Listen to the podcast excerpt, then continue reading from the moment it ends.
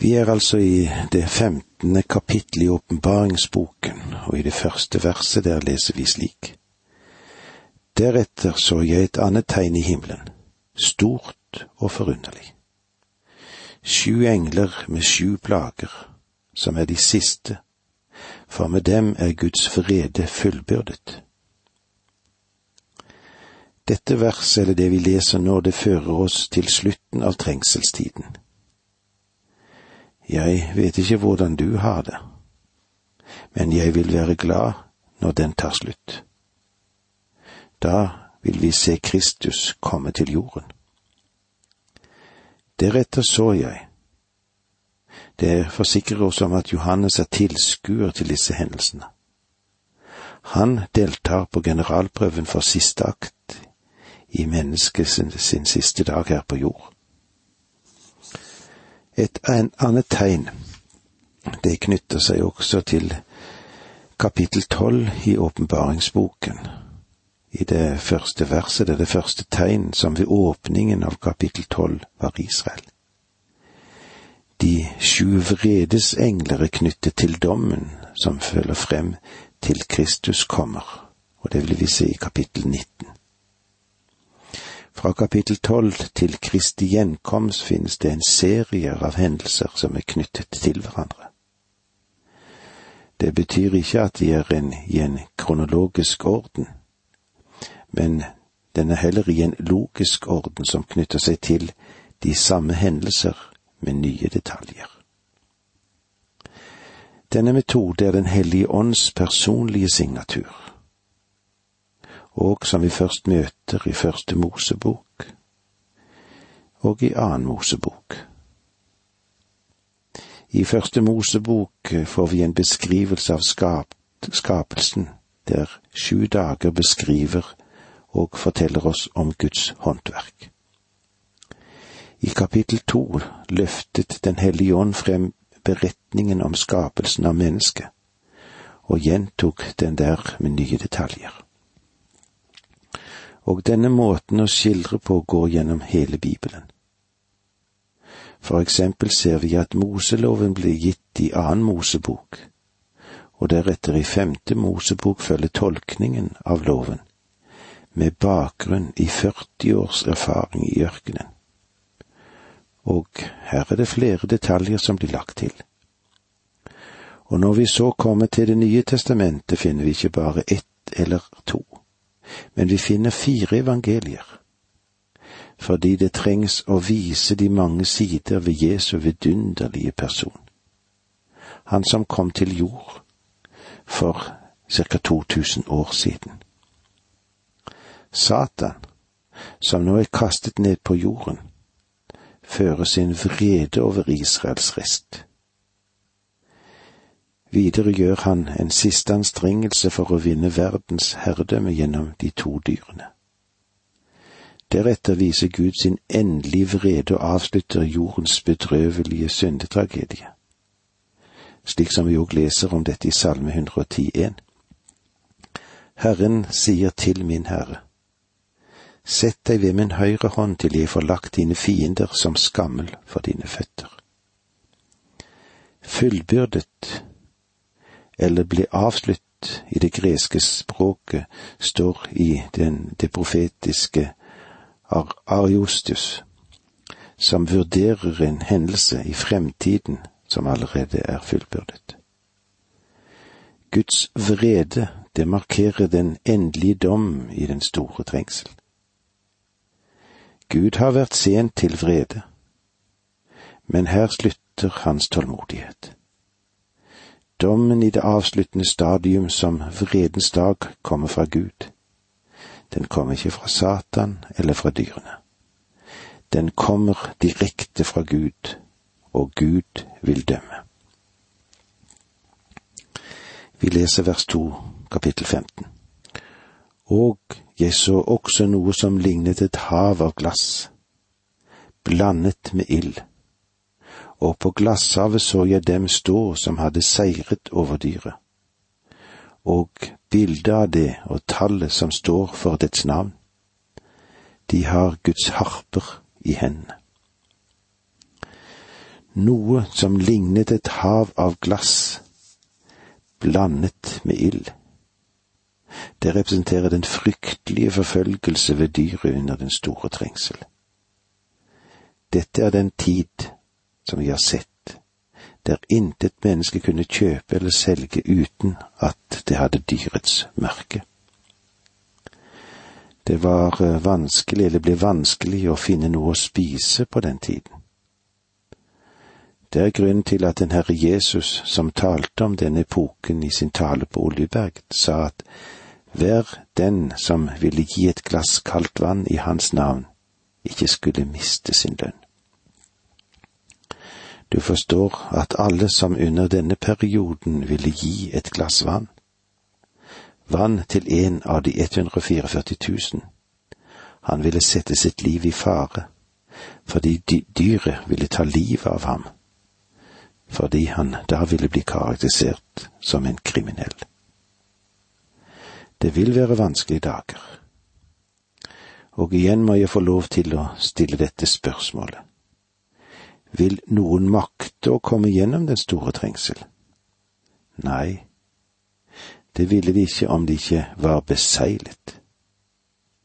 Selv om svære menneskemasser vil lide martyri under denne perioden, så tror jeg at mange av de 144 000 vil gi sitt liv for Jesus.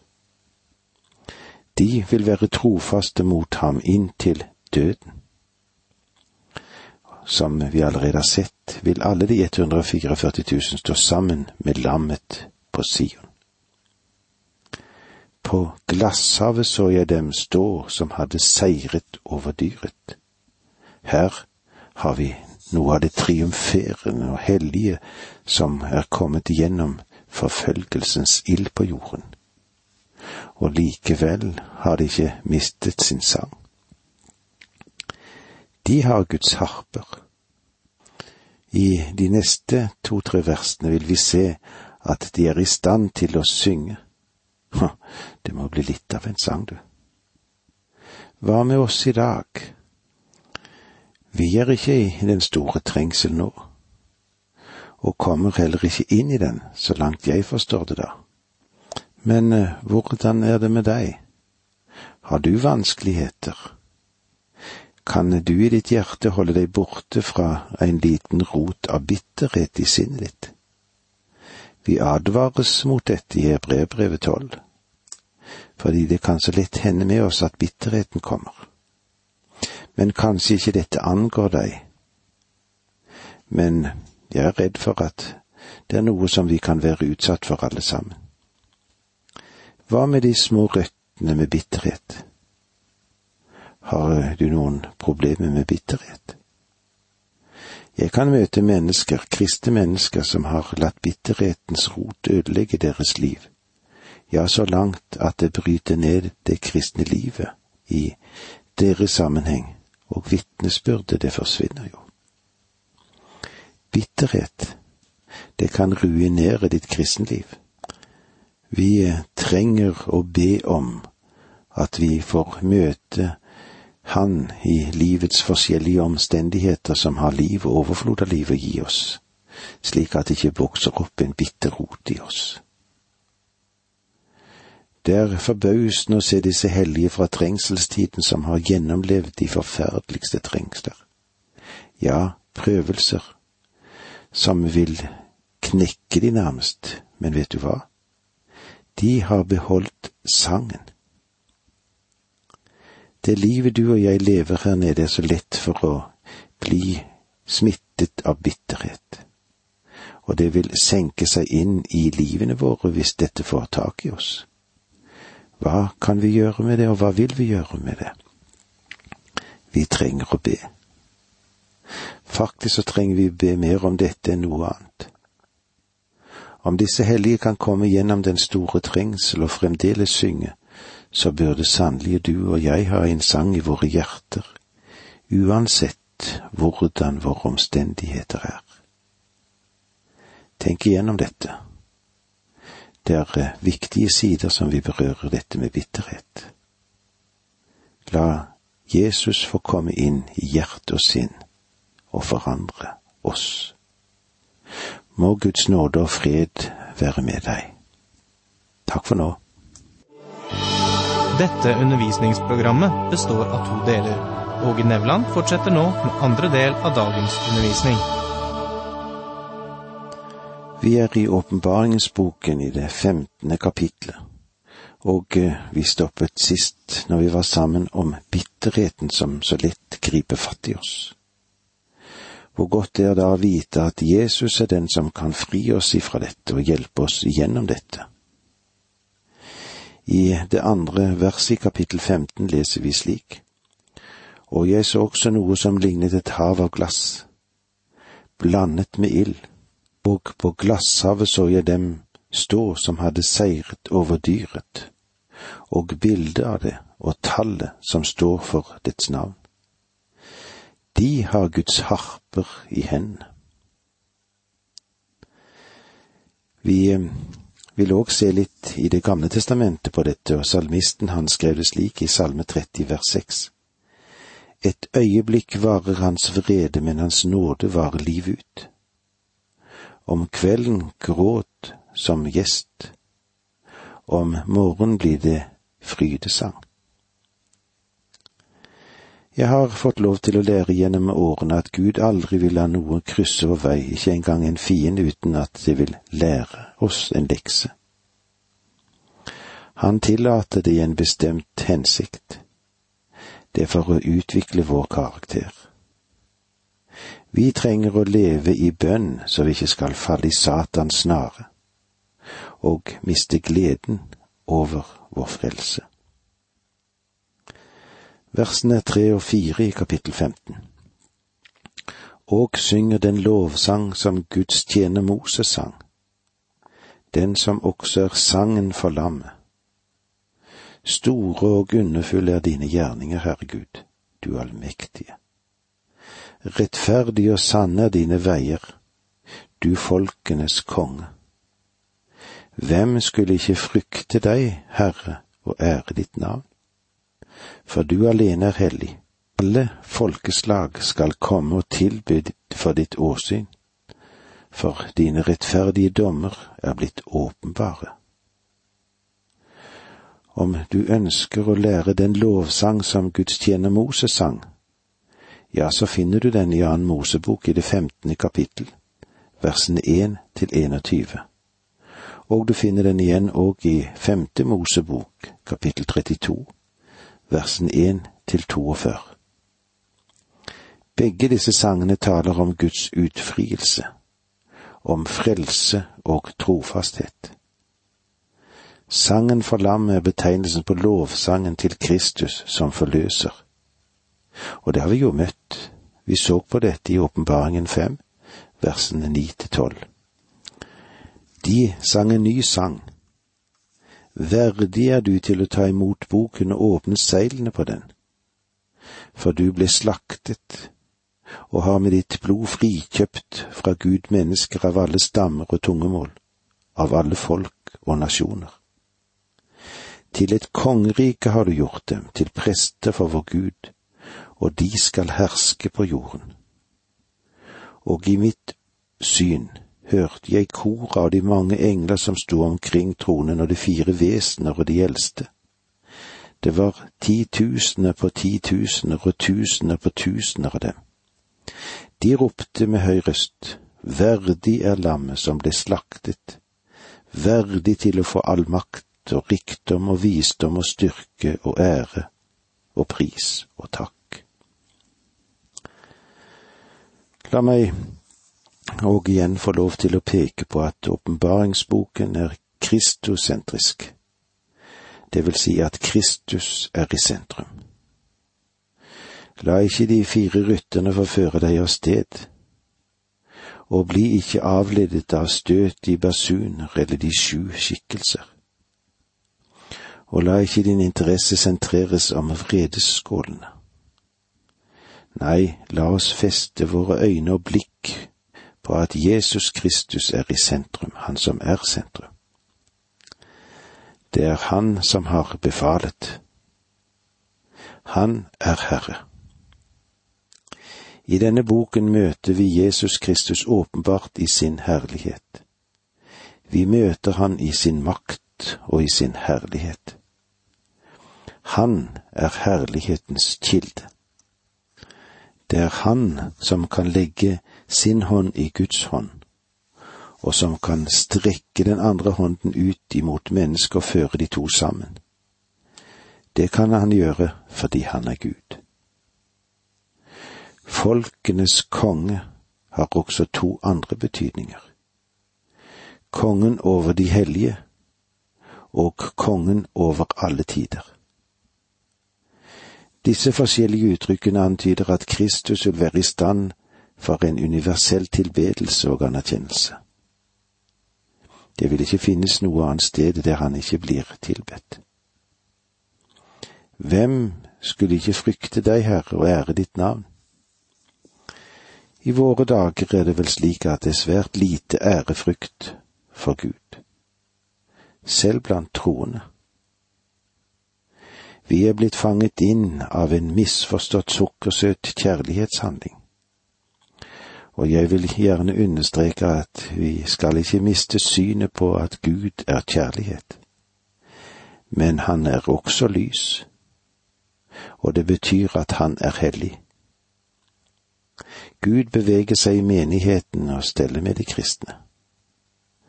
Og jeg kan bekrefte deg for min egen del at Gud har stelt med meg. Og han har stelt med deg. Og om du er et Guds barn, så er det best at du ikke tenker at du kan gjøre som du selv vil, for slik er det ikke.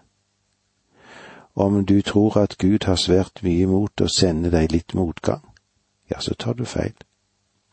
Han sender det som er til det beste for deg. Gud skal også fryktes. Vår Gud er en hellig Gud. Alle folkeslag skal komme og tilbe for ditt åsyn.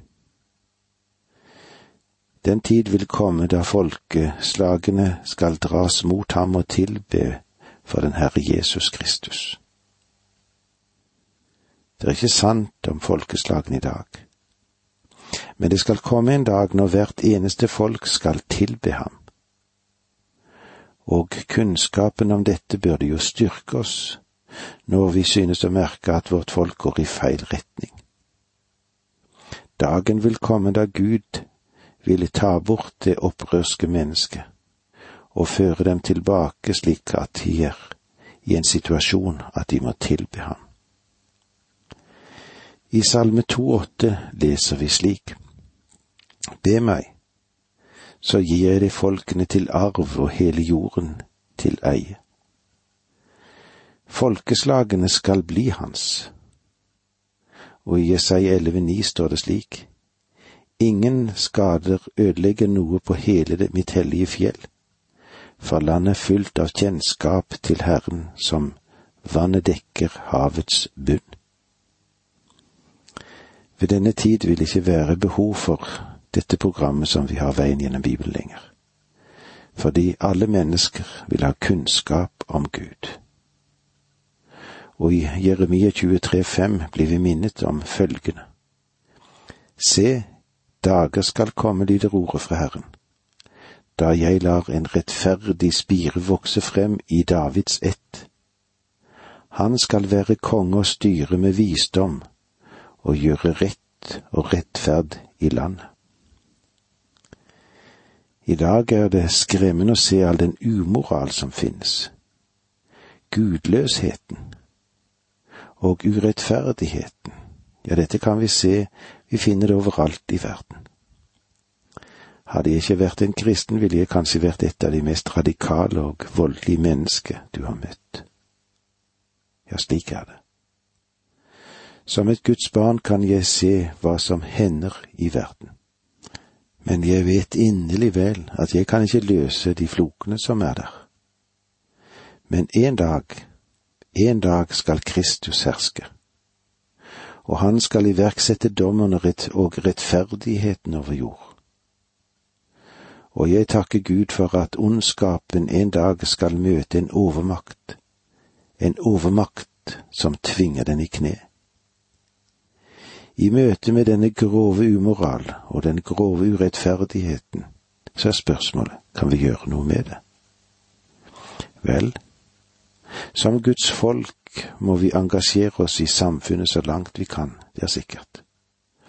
Og fremfor alt så må vi løfte hellige hender så vi kan be for landet vårt, og samtidig fryde oss over at det kommer en som skal la rettferdigheten råde på jord, og da vil all urettferdighet bli nødt for å bøye seg.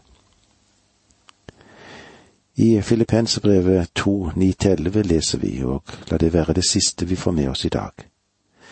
Derfor har Gud høyt opphøyet ham og gitt ham navn over alle navn, for at hvert kne skal bøye seg i Jesu navn, i himmelen og på jorden og under jorden. Og hver tunge bekjenne Jesus Kristus er Herre, til Gud Faders ære.